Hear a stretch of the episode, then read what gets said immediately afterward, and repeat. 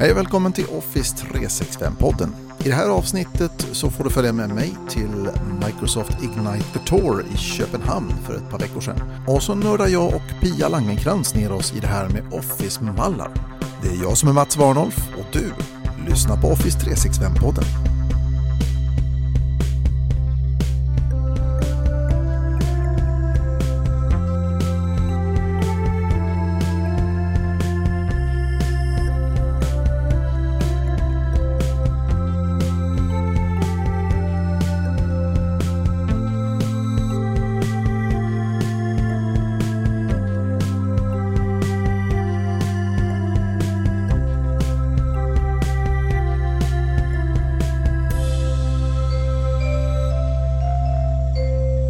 Slutet av februari så var det dags för Microsoft Ignite the Tour att komma på besök i närheten, närmare bestämt i Köpenhamn.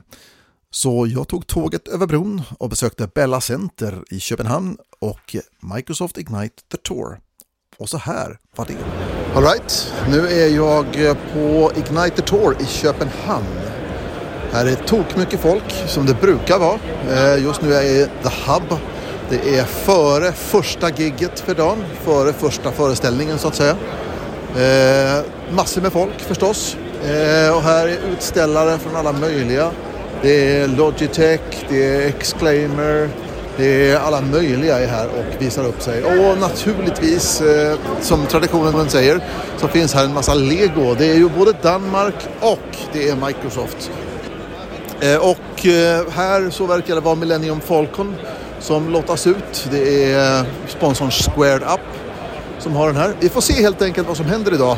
Men eh, nu så ska alldeles strax eh, första sektionen börja. Så det ska bli oerhört spännande. teams that are here based in, in Copenhagen as well as our customers and partners. So thanks for being here.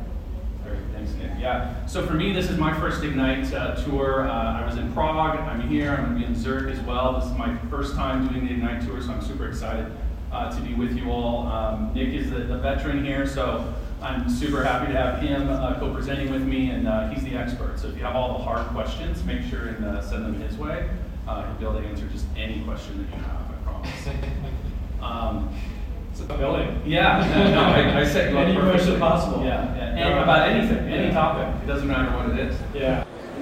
Okej, så det har vi varit på första sektionen. Första sektionen då som handlade om Know your data, use intelligence to identify, protect and govern important data. Eh, och det var väldigt, väldigt intressant. Eh, problemet är naturligtvis då att man gör en massa demos eh, som eh, licenser och det är inte jättemånga företag än så länge som har E5-licenser. Och det är ju klart att det är kanske inte jättemånga företag som kräver den här typen av data klassificering och automatisk hantering av data eh, som inte investerar i E5 eftersom att man har de behoven det gör ju naturligtvis en, det skapar ju ett mandat för att eh, investera i de här licenserna. Men det var i alla fall intressant att höra. Eh, två saker som jag ställde som frågor efter var jag undrade hur nära vi är att eh, DLP kan eh, lägga upp policytips och så vidare baserat på en sensitivity label snarare än en retention label. Och han påstod att det redan går, vilket betyder att det är absolut under utrullning eller också är det redan där på plats, vem vet. Eh, men jag har inte sett det i alla fall i min tenant än så länge. Det blir spännande att se vad som händer. Jag hade också en diskussion huruvida det går att eh, göra eh, deklassificerat deklassificerade dokument, redacted document som det heter då. Och det går faktiskt tydligen då. Via e-discovery så kan man skapa avklassificerade eller publika versioner av dokument där man har skalat bort all känslig data ifrån informationen eller från dokumenten. Eh, vi pratade också om möjligheten att klassificera och labla individuella datadelar inuti ett dokument eller en webbsida. Nu har vi ju information som inte bara slurpar runt i, i eh, dokumenten utan också i webbsidor. Vi kan ju publicera interna nyheter och så vidare. Då. Och då kan det till exempel vara intressant att baserat då på klassificeringen av dokumentet eh, att dölja vissa delar bara av webbsidan eh, och inte hela webbsidan. Det kan ju finnas massor med information som är intressant rent publikt eh, och alltså för vem som helst där alla kan vara intresserade av informationen. Men där jag ändå vill dölja vissa speciella känsliga datapunkter som kanske ett releasedatum, kanske ett personnummer, kanske ett foto på en person och så vidare. Så det är intressant. Andra saker som jag önskar att jag hade tagit upp det är möjligheten att automatiskt upptäcka eh, foton som innehåller bilder på personer och att klassificera dem enligt PII, alltså personligt identifierbar information. Eh, och då skulle man kunna göra undantag, till exempel om man har stockbilder, alltså stockfotos eller motsvarande. Och ta bort den typen, eh, eh, alltså att inte labla dem då. då. Det vill säga, jag kan ha ett bibliotek, typiskt ligger ju alla så här stockfotos och sånt där. De ligger ju typiskt i ett, ett specifikt bibliotek. Så då skulle man kunna göra ett undantag för hela det dokumentbiblioteket och säga att det här behöver vi inte klassificera för PII för här har vi licens att använda de här bilderna. Det är fotomodeller etc. Medan eh, om jag har bilder på personal, med bilder på kunder och så vidare då, så vill vi automatiskt tagga de här med känslighetsinformation. Så, det var det hela.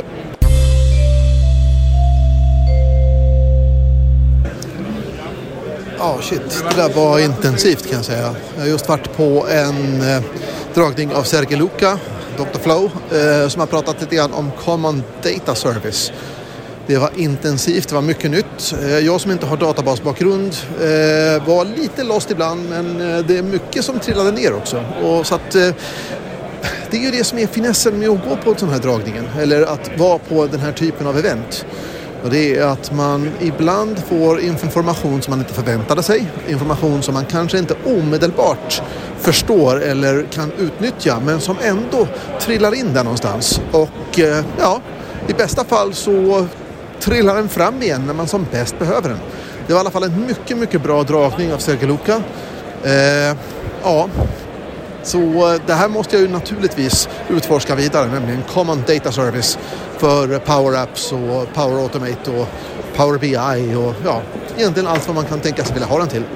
Jag fick en bra dragning angående intern och extern information. Alltså, säga, finns informationen i Common Data Service så är det intern data och om informationen i min flow eller vad det nu är då kommer ifrån en app externt, alltså en connector, ja då är det extern information förstås. Så ja, mycket, mycket intressant i alla fall.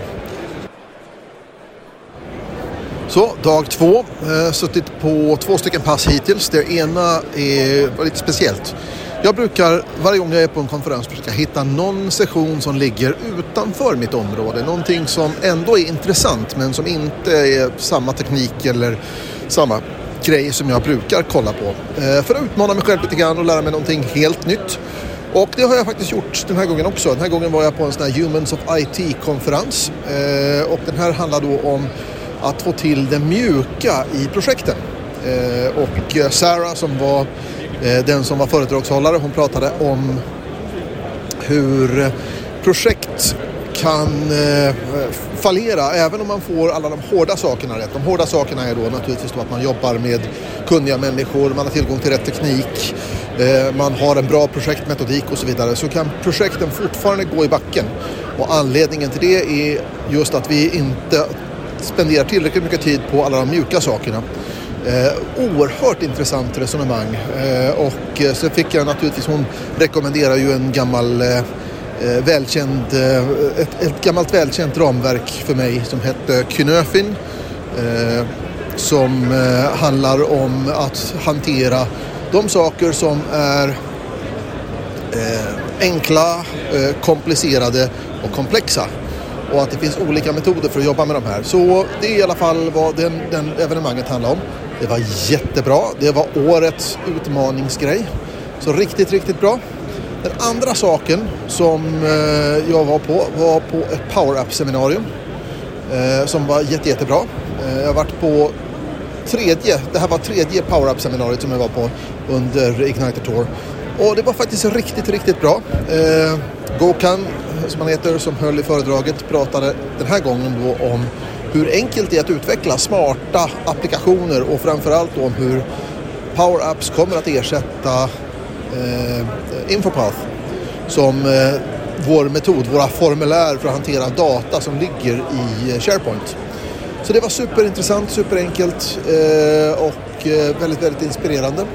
Och det, nu är det lunch och jag har egentligen bara ett enda stort evenemang kvar och jag hoppas, jag hoppas, jag hoppas att jag har valt rätt. Jag har nämligen valt någonting som heter Internet Accelerator Workshop förlåt, Intranet Accelerator Workshop som eh, är en eh, hands-on hela eftermiddagen pilleduttning med att bygga ett intranät med SharePoint-teknik. Så det ska bli superspännande. Jag hoppas jag har valt rätt, att jag har valt bra grejer att gå på. Eh, men det verkar rätt lovande så här långt i alla fall. Så, nu är det väsentligt tystare i hallarna på Bella Center i Köpenhamn. Eh, och det beror på att Ignite officiellt är över för i år. Ignite the Tour, det vill säga. Eh, min sista session var ju en halvdagssession som hette The Intelligent Intranet Workshop. Eller Accelerator Workshop. Och det var väl kanske inte fantastiskt väl spenderad tid. Jag önskar verkligen att jag hade valt någonting annat. Eh, men eh, det var inte dåligt på något vis. Eh, så, eh, man lär sig någonting av alltihopa. Eh, klockan är nu 16.00 prick och eh, det är dags för mig att signa ut härifrån. Det var det. Ignite the Tour.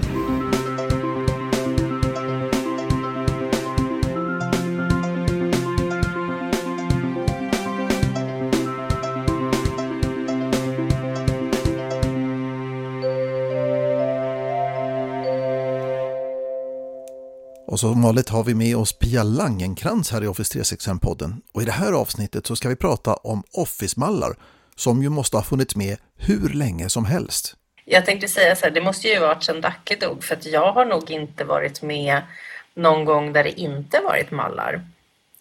Um, jag kan inte minnas att det var några mallar på DOS-tiden.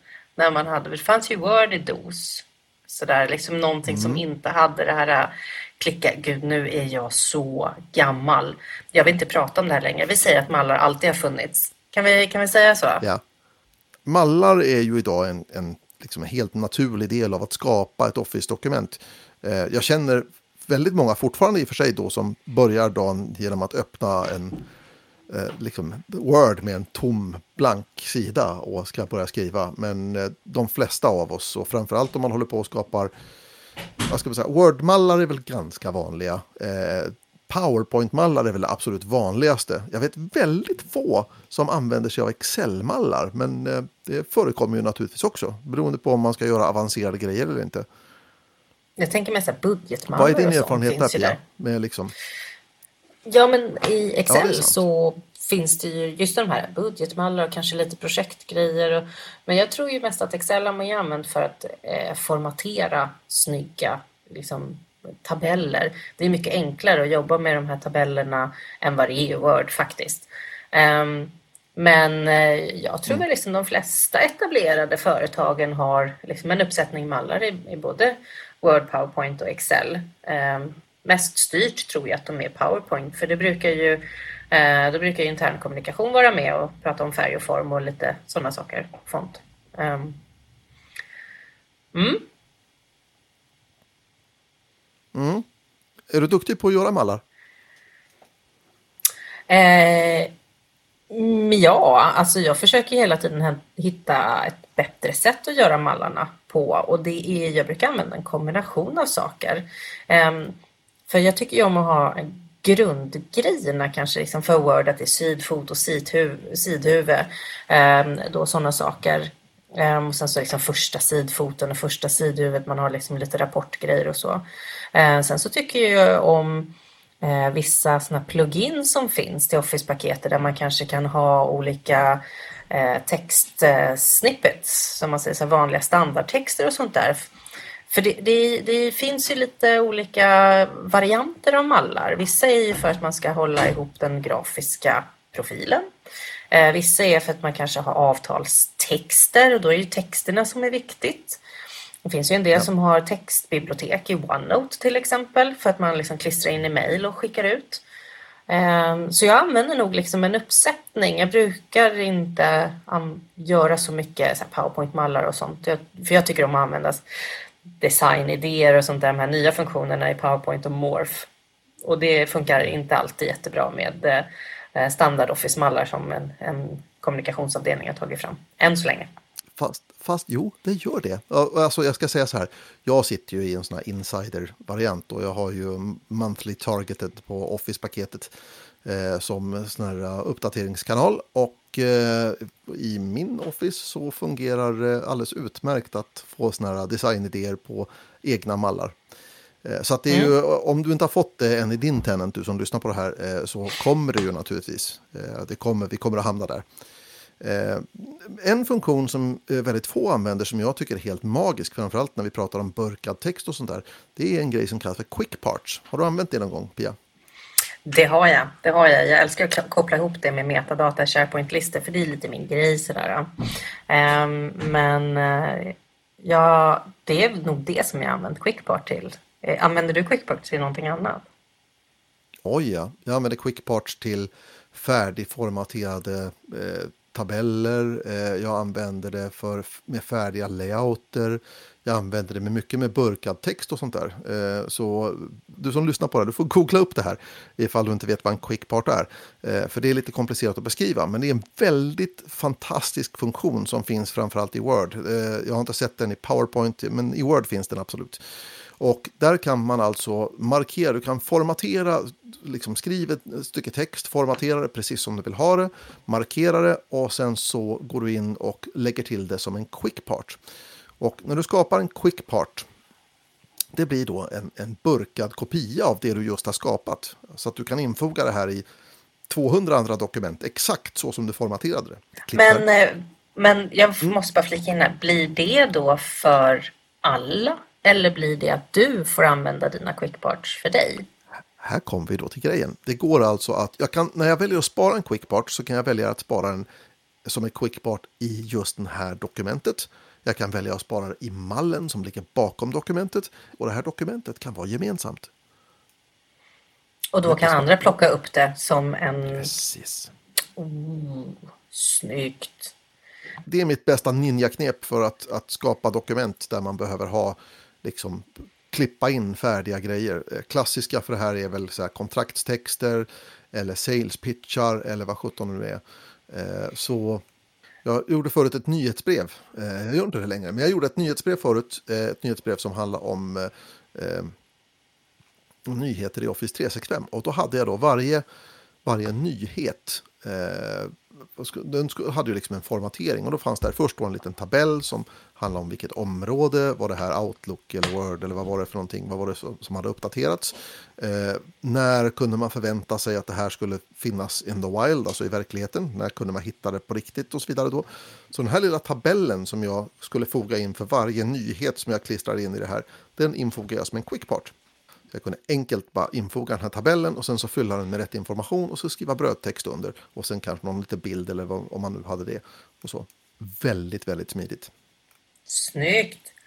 Eh, Quick Parts Gallery, där ser vi då den här uh, Building Blocks Organizer. Eh, så om jag har, när jag då har skrivit min text och formaterat och fixat och donat och infogat tabeller och annat, då så kan jag markera det och så kan jag välja då Save det här, Save som en Quick Part. Och därefter så kan jag infoga den här 15 gånger i dokumentet. Oerhört smidigt. Och i alla andra dokument som jag skapar. Det är en av mina ninja-knep. Att det numera går via SharePoint att distribuera Office-mallar till, eh, alltså till Office-klienterna där ute. Alltså, jag blev så glad när du berättade det, att det gick att göra. Ja. Ehm, det var ju då som vi bestämde oss att det här ska vi göra ett avsnitt om. För det är ju så ja. coolt. Äntligen. Det är coolt. Ja. ja. För då, då måste, men bara för att alla ska förstå hur coolt det är så är det så här. Hur har vi distribuerat mallar tidigare? Ja, berätta Pia.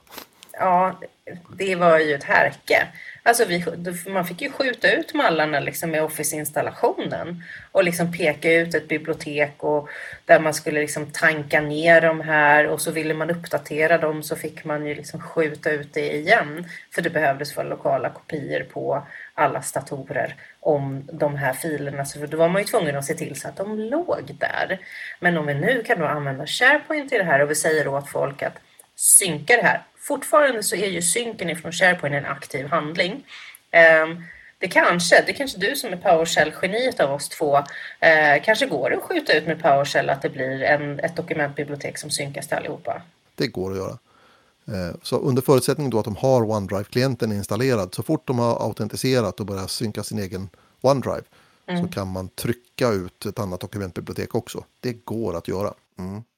Men också gillar jag den här nya funktionen i PowerPoint att du kan liksom bläddra bland andra slides i andra presentationer som du kan kopiera in.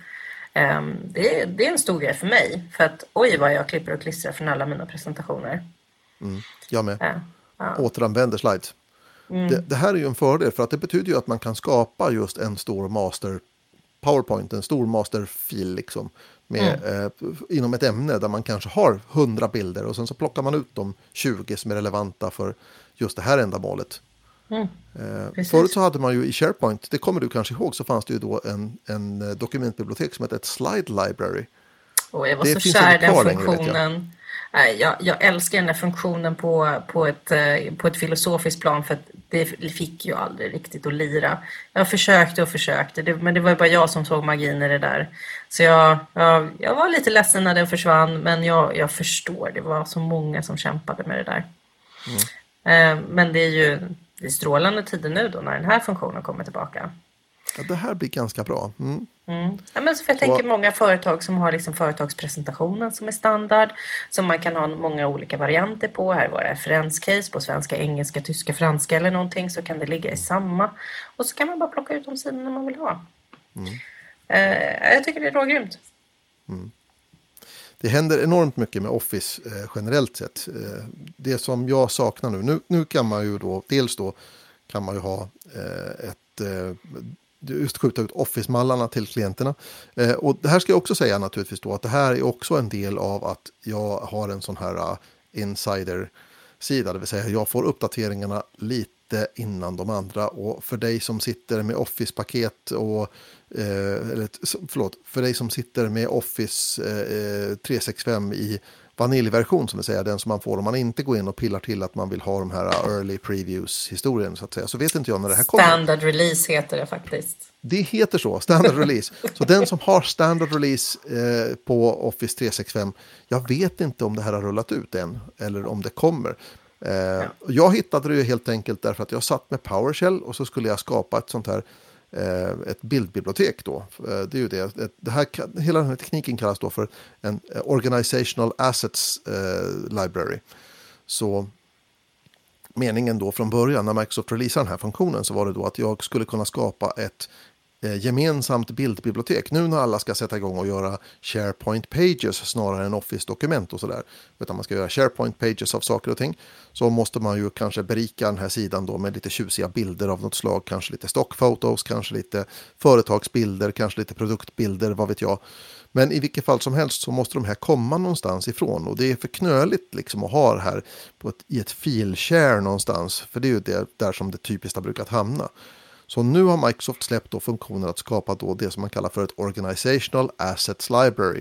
Där jag kan dumpa in alla de här bilderna och så vidare och göra dem tillgängliga för alla som författar sidor i SharePoint. Och det här är ju väldigt, väldigt praktiskt. Mm. Men det, det, jag blev lite nyfiken när jag läste och det här var för när den här funktionen kom. Så var det så att en av parametrarna, för man är tvungen att slå på det här med PowerShell, det här kommandospråket. Och när jag skrev det här kommandot så fanns det då en parameter som man var tvungen att använda. Som talar om vad det var för library type. Vad var det för slags bibliotek som jag ville skaffa? Och då fanns det bara en typ. Men jag menar, om det bara finns en typ och det bara är tänkt att det ska finnas en typ, då är ju parametern meningslös. Så bara blotta tanken då att det fanns en parameter där jag skulle kunna ange vilket slags bibliotek det här handlar om blottade ju att man hade större planer för den här funktionen. Ehm, så men eh. jag skulle vilja gå tillbaka till de här bilderna som ja. du började prata om där. Ehm, för att ehm, vad, det, det, här tycker jag är bland det, det, bästa som finns. Ehm, just när det kommer till att SharePoint-sidor, mm. att många eh, mejl som vi skickar ut ska bli nyheter i SharePoint istället. En del PowerPoint-presentationer kanske blir en hel sajt. En, en del eh, PowerPoint-presentationer kanske blir liksom en jättelång artikel och sådär. Så och då behöver vi bilder. Um, och nu när man då lägger till bilder i SharePoint så får man ju upp ett antal olika alternativ. Nu har jag fuskat här, tagit upp en SharePoint-sida mm. där man har då senaste, det vill säga de, de bilderna som du redan har på sajten. Den tycker jag suger lite grann för att man vill inte alltid återanvända bilderna för att hela poängen är ju liksom att man vill visa någonting nytt, liksom att tänka någonting nytt. Eh, annars så har man ju redan skrivit det. Sen har vi webbsökning. Det är i och för sig ganska coolt. Ehm, och eh, om man inte har provat den här webbsökningen så är det ju så att standardvärdet i där är att den går ju på bilder som, man, som alla får använda, som har då Creative Commons-licensen. Ehm, det suger ju lite också. Det, det är ju inte så att det ligger några så här schyssta bildbibliotek som Pexels eller någonting i de här. Utan den här söker ju bara vilt på nätet. Um, och där ska man ju passa sig lite grann för man kan ju ändra sökningen så ta alla bilder. Men då kan du ju faktiskt kliva över lite på copyright. Uh, sen kan du ta upp från din OneDrive. Eller på den här webbplatsen ladda upp eller från en länk. Ehm, men då när man lägger till det här som du pratade om, man, man kör det här PowerShell-skriptet som till och med jag skulle kunna göra. Så får man ju upp ett val till och så kan man ju döpa det till sitt företag och så bilder som ja, ja, ditt företag bilder. Ehm, men vad, vad jag vill höja ett litet varningsfinger för, man kan bara ha en site collection som innehåller de här bilderna. Så att det blir ju ett, bara ett site collection som liksom försörjer hela din tenant med bilder, som alla SharePoint-sajter. Um, och, och där, då har man ju lite problem med det här, för då, då ska vi helt plötsligt vara jättemånga som ska vara inne och bestämma. Och du kan ha 30 dokumentbibliotek som är med i de här. För det blir ju någonstans, om vi säger att vi vill ha våra loggor, ja då kanske kommunikation ska äga den. Eh, vi kanske har någonting om våra tjänster, och då då kanske marknadsavdelningen som ska äga den, eller någonting sånt där. Eh, man kan ha 30 eh, och där måste man tänka utanför sina silon. Och där vill jag verkligen uppmana allihopa som är där ute. Tänk efter vad ni ska använda bilderna till. SharePoint är främst för intern kommunikation. Um, då, då, ska det vara saker som vi pratar om internt för att organisera oss. Vi pratar om projekt, vi pratar om dokument och vi pratar om föräldraledighet och HR-policies och sådana saker. Jag vet att jag kämpade ganska länge för att få in liksom bebisikoner på ett intranät och det var någon som sa men det här jobbar vi inte med sånt under de ville ha liksom företagsbrandade bilder. Jag bara, men om jag ska prata om vab-regler så är det liksom en ikon på en bebis, då kommer man att fatta att men det här har någonting med föräldraskapet att göra. Att man liksom kopplar det. Så där behöver man ju ha lite olika bilder och bakgrundsbilder och sånt som kan göra lite intressant och sen framförallt alla de här årstiderna, skillnader man har. God jul, glad påsk, glad midsommar, fars dag, de här sakerna. För att vi skickar ju ut information då, liksom att ja, så här har vi öppettiderna i påsk eller god jul allihopa, glöm inte att lägga in semestern. Ehm, så man får inte glömma det. Man får inte bara ha så här, det här är våran varumärkesintensiva bilder. Så. Ja, liten rant där från mig. Mm, det är okej. Okay. Nej, men, men jag, jag håller med. Eh, och det, det, är klart så. Det är dessutom så att Microsoft är på väg då att eh, släppa. De har då ett internt eh, sedan länge tror jag och nu också externt så har de ett stort bibliotek med eh, eh bilder, alltså stock images, eh, som de kommer att släppa fritt för alla i Office 365-användare. Eh, och den kommer också dyka upp i, i den här dialogen som du pratade om, då, det vill säga där kan välja då bilder ifrån Microsoft. Så att här blir då inte de här, uh, ingen Creative Commons-licens här inte, utan det är då helt royaltyfria bilder som Microsoft släpper. Och eh, jag själv då, då, som har ett ganska stort bildbibliotek som är nedladdade från eh, bland annat unsplash.com och, och sådär då med, med tjusiga bilder. Eh, de är ju också helt royaltyfria och får användas i, i vilka sammanhang som helst. Det jag längtar efter är ju snarare då att de här bildbiblioteken som vi lägger, precis som det här med mallarna, att de blir tillgängliga för Office-paketet så tänker mm. jag det vore ju fantastiskt om de här bilderna också blev tillgängliga i Office-paketet. Mm. Ja, det så vore ju grejt. Så att de, eh, mina corporate images och så vidare då, jag behöver inte leta i något bildbibliotek internt, i något, återigen då i något filshare någonstans för att hitta boxshots eller något sånt där. Utan jag kan plocka in dem direkt i Office-paketet från min SharePoint-sajt. Mm. Det hade varit väldigt smidigt. Ja, men det är det. Eh, det finns ju också en liten intern konkurrent i det här, för det är ju många stora bolag som har köpt en tredjepartstjänst för just att hantera bilder där i olika storlekar och sånt som är för print och det hela, som kan tycka att den här tjänsten är lite för basic. För det handlar verkligen bara om att ha högupplösta bilder. Du kan inte hålla på och beskära dem hur som helst. Utan i SharePoint så sätter man ju fokus. För bilderna visar sig annorlunda om de är i ett eh, sån här, eh, jag ska säga inte, inte dokumentkort, men det är som sidkort.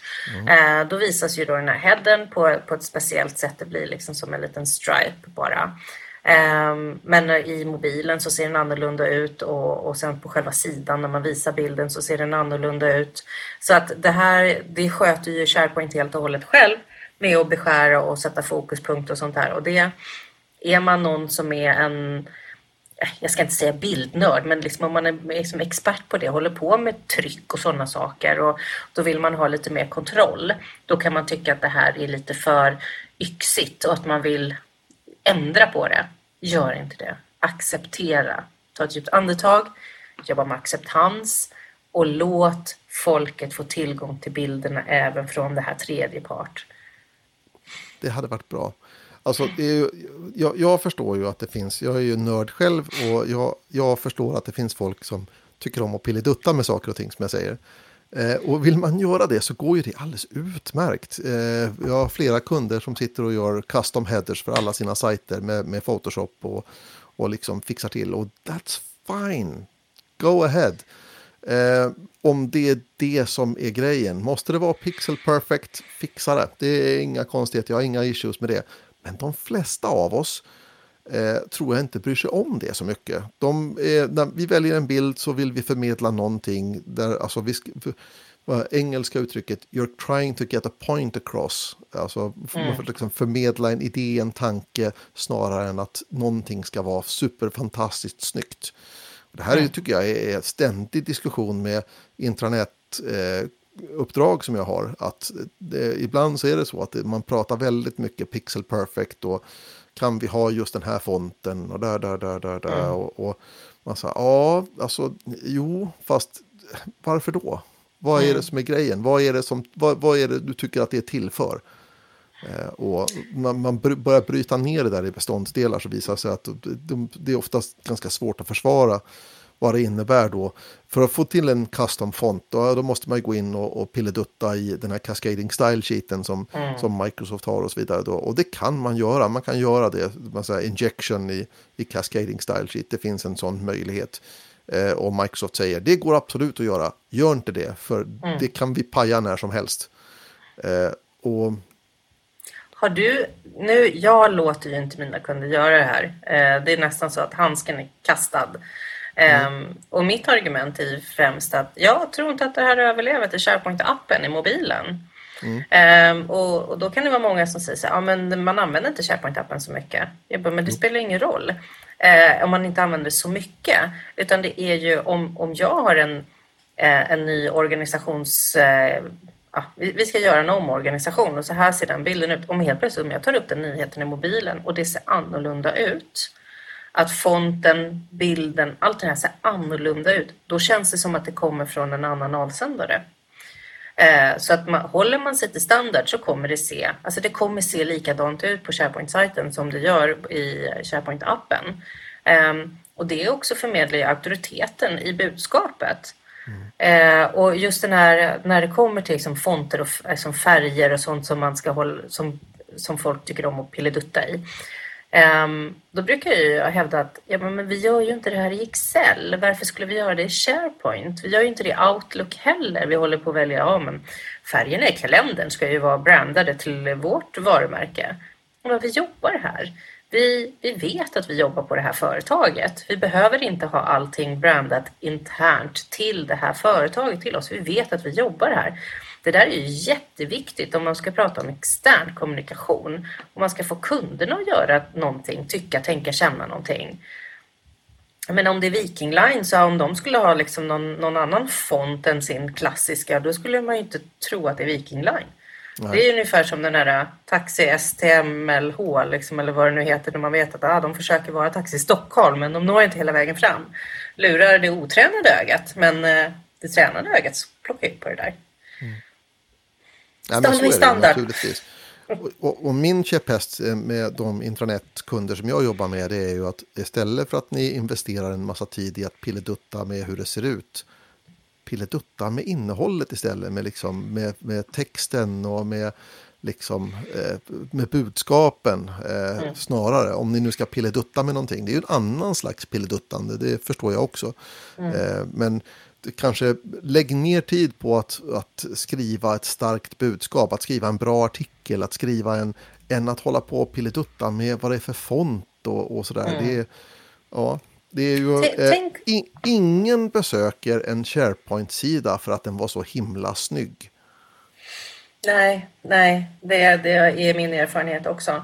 Eh, och tänk om vi skulle lägga ner all den här tiden på, istället för att prata liksom färg och form och branding, till kraftfulla rubriker, eh, enkelt innehåll som är strukturerat och snyggt, att vi lär folk att skriva och välja rätt bilder eh, än att hålla på med färg och form.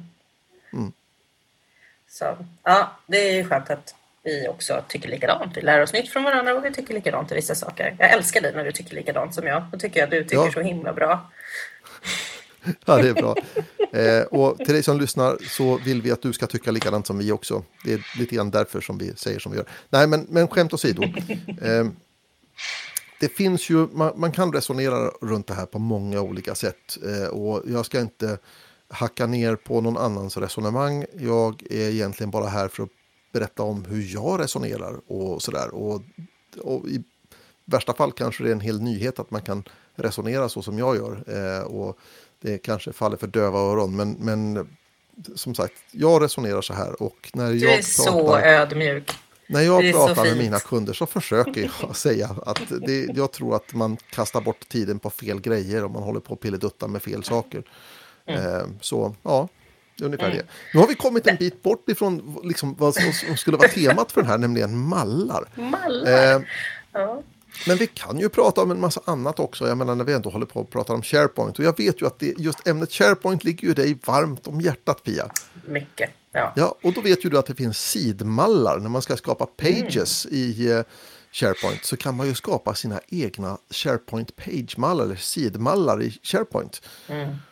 Det är eh, fantastiskt. Med egna layouter som kan återanvändas och, och sånt där. Och de här kan, ju, kan man ju förpopulera med metadata och och you name it. Jag har sett folk till exempel som har byggt upp eh, eh, nyheter. Så att när, när någon skriver, postar en nyhet så har den här nyheterna, det finns ett antal kategorier. Det kan man då sätta då i metadata för, för nyhetssidan. Och eh, därefter så kan man naturligtvis då använda sig av den här det som kallas för audience targeting eller publik... Eh, vad, heter det? vad heter den svenska termen audience targeting? Vet du någon bra svensk term? Målgrupp Uh, heter det inte bara målgrupp? Målgruppsanpassning, målgrupp, audience targeting. Ja, den heter nog bara målgrupp tror jag. Ja, I vilket fall som helst. Mm. Men när man sätter upp en sida, när man publicerar, man sätter upp den här news webbparten, eh, en, en eh, webbdel då på, på sin sida då som ska visa nyheter, så kan man säga då att den ska plocka nyheter som vänder sig till rätt målgrupp. Så om jag eh, jobbar eh, på eh, tillverkning i England så ser jag huvudsakligen sidor från England och absolut mest ifrån tillverkningshållet och nyheter som har med det att göra. Mm. Så det finns den typen av audience targeting finns inbyggt i en del av de här webbpartsen som finns i, i SharePoint online som man kan liksom använda sig av. Mm. Och en av dem då, det är just den här nyhetswebbparten. Den har den här audience targeting-historien. Och då kan man ju helt enkelt skapa publiker och man kan skapa metadata för att filtrera och man kan fixa och dona och på alla möjliga sätt. Och det här kan man då, mycket av den här metadatat kan man lägga in redan i sidmallen i SharePoint. Mm. Så att när jag väljer att skapa en nyhet så väljer jag inte att skapa en nyhet utan jag väljer att skapa en nyhet från HR eller en mm. nyhet från marknad eller vad det nu handlar om. Mm. Så... Ja, och jag har ju använt den för att göra mallar för eh, såna olika format som vi vill att det ska komma igen och igen. Som till exempel mm. instruktioner som att här ska det vara en video, kom ihåg att göra den ljudlös, mm. gör fet stil på stegen. Så att de ska göra det här, få hjälp att göra sina saker. Precis som vi gör när vi har rapportmallar i, i Word så finns det ju liksom, stand, liksom text som är ifylld lite grann så att du ska kunna hjälpa och komma vidare. Jag gjorde ju också en sidmall för ett PMO, alltså Project Management Office, där det var då de anteckningarna som var på de stand-up-mötena en gång i veckan. Så var det så att men, Då hade vi samma bild och vi hade den rubriken som sa vilken vecka det var. Ehm, och sen så i den där så var det kortfattat. Så det var liksom förifyllt. Så att när de gjorde det så kunde de bara ta upp mallen och så fylla i grejerna. De behövde inte välja så mycket saker. Så går det fort. Ja. ja, för det är ju också det här, precis det som vi nu sa varför vi tycker som vi tycker. Det handlar ju om att det ska bli ett värde för verksamheten och när vi sparar tid så sparar vi pengar. Och när vi inte gör massa anpassningar så sparar vi inte bara tid och pengar utan vi sparar ju oss från de här framtida incidenterna. För att det, det försöker jag utbilda mina kunder i att när vi gör specialanpassningar i onlineversionen eh, eller liksom i en SaaS-tjänst som uppdateras hela tiden Mm. Det värsta som kan hända är att du får en prio 1 i produktion och du kan inte ändra den. Alltså du får en incident som Microsoft har ändrat på någonting så de plockar bort då din font eller någonting och helt plötsligt så är den bara ute och du måste vara kreativ och bygga någonting nytt från scratch i produktion. Det är katastrof. Det kostar hur mycket pengar som helst och då måste man ju tänka sig så här, är den här fonten värt det? Mm. Alltså om det är då att man har, när man ska bygga någonting i den här världen, när det är online då ska man bygga det varsamt ovanpå som är i symbios med SharePoint. Man får inte göra våld på SharePoint. För förr eller senare kommer det gå sönder och då står du där och har valet att ofta så kommer det bara vara det enda valet du har är ta bort. Ja. Eh, och då får du rulla tillbaka till standard motvilligt. Ingen gillar det. Nej, Nej absolut. Nej, så mindre pilleduttande helt enkelt. Mindre pilleduttande. Mm. Med fel saker. Ja, precis. Rätt pilledutta saker, med det som vi tycker om. Hur mycket du vill. Oh, pilledutta iväg. ja. eh, all right, så vi har nu vi, har, vi kan göra mallar i SharePoint, det vill säga sidmallar i SharePoint. Vi kan ha Office-mallar. Vi kan distribuera Office-mallarna med SharePoint till klienterna. Eh, och... Eh, Bildbibliotek. Yes. Mm. så vi har, vi har egentligen det, massor med saker. Ja. Vi har massor med saker. Och det som du lärde mig idag. Mm. Quick parts. Ja. Ja. Liksom malltexter. Ja, eh, precis. Ja, superhäftigt. Ska du eller jag skriva ett blogginlägg om det här? Ja. jag tycker du. Make my day. Gör du det? ja, vi får se. Vi ska ju eh, faktiskt eh, eh, vara på Teamsdagen nästa vecka. Så jag vet inte hur mycket vi hinner göra den här veckan för det. Men jag ska försöka och skriva ett blogginlägg om mallar också. Coolt. Mm. Mm. Ja, jag ska ju inte prata på Teamsdagen, men det ska ju du faktiskt. Mm. Vad ska du prata om på Teamsdagen? Jag ska prata om sajtmallar och paketeringar. Vad, man, vad är skillnaden och eh, hur, hur SharePoint och Teams kompletterar varandra. Så, ja, det ska bli jätteroligt. Det är ju slutsålt och det är en lång väntelista. Det var ju över förväntan med eh, vad för folk som kom. Eh, ja. Det gick fort. Jag vet inte ens, vem är det som arrangerar Teamsdagen? Ja, men det är Amanda och Mårten. Eh, de har ju Teams-podden också. Mm. Ehm, så det kan man ju, eh, ni som lyssnar på den här podden kan gärna glida över och lyssna på den podden också för den är Absolut. grym. Eh, så Amanda kommer jag ihåg faktiskt. Det var i en, första gången jag såg henne så var det i en Facebookgrupp som heter Teknikkvinnor och hon bara, jag älskar Teams, det är världens bästa grej, kom och läs min, min eh, eh blogg där jag ska prata om det här. Och sen så spårade hon ut totalt och blev en, en MVP och allting. Hon är helt såld på det här. Det, jag tycker det är så roligt att se en fellow nerd blomma ut. Blomma ut eh, sådär. Så det, det är hon och, och Mårten som har kört den här. Det är, Jättekul. Mm. Ja, det ska bli väldigt spännande att se. Jag, jag missar ju större delen av evenemanget tyvärr då för att jag har previous engagements. så att eh, det, det, det, men det, det får vara så ibland. European SharePoint Conference nästa år går i november i Amsterdam. Mm-hmm. Mm, så det kan jag varmt rekommendera. Jag har varit på ett antal IT-konferenser. Jag har av någon anledning faktiskt aldrig varit på Ignite i USA. Eh, mm. Det har inte fallit sig så, men jag har varit på ett antal stora, stora IT-konferenser. Eh, första IT-konferensen jag var på det var 1999. Eh, så jag har varit på några stycken. Men det finns alltså, teknikkonferenserna som Ignite och så vidare då. Jag har pratat med lite folk, jag har pratat med en kvinna på val och som gör intranetprodukter. Och hon, mm. hon frågade också vad, vad jag tyckte om, om det här evenemanget. Och så sa jag då att ja, jag har inte så stor erfarenhet av Ignite the, the Tour. Och jag har inte varit på stora Ignite. Men jag har varit på European SharePoint Conference och det tyckte jag var väldigt trevligt. Och då sa hon så här, ja, det, European SharePoint Conference är mycket, mycket mer community Och här är det mer torrteknik och där Mm. är det mer eh, get together och community och vi lär av varandra och, och sådär. Mm. Så att, Ja, och det som jag gillar med, nu blev det lite så här bonusmaterial kring olika konferenser.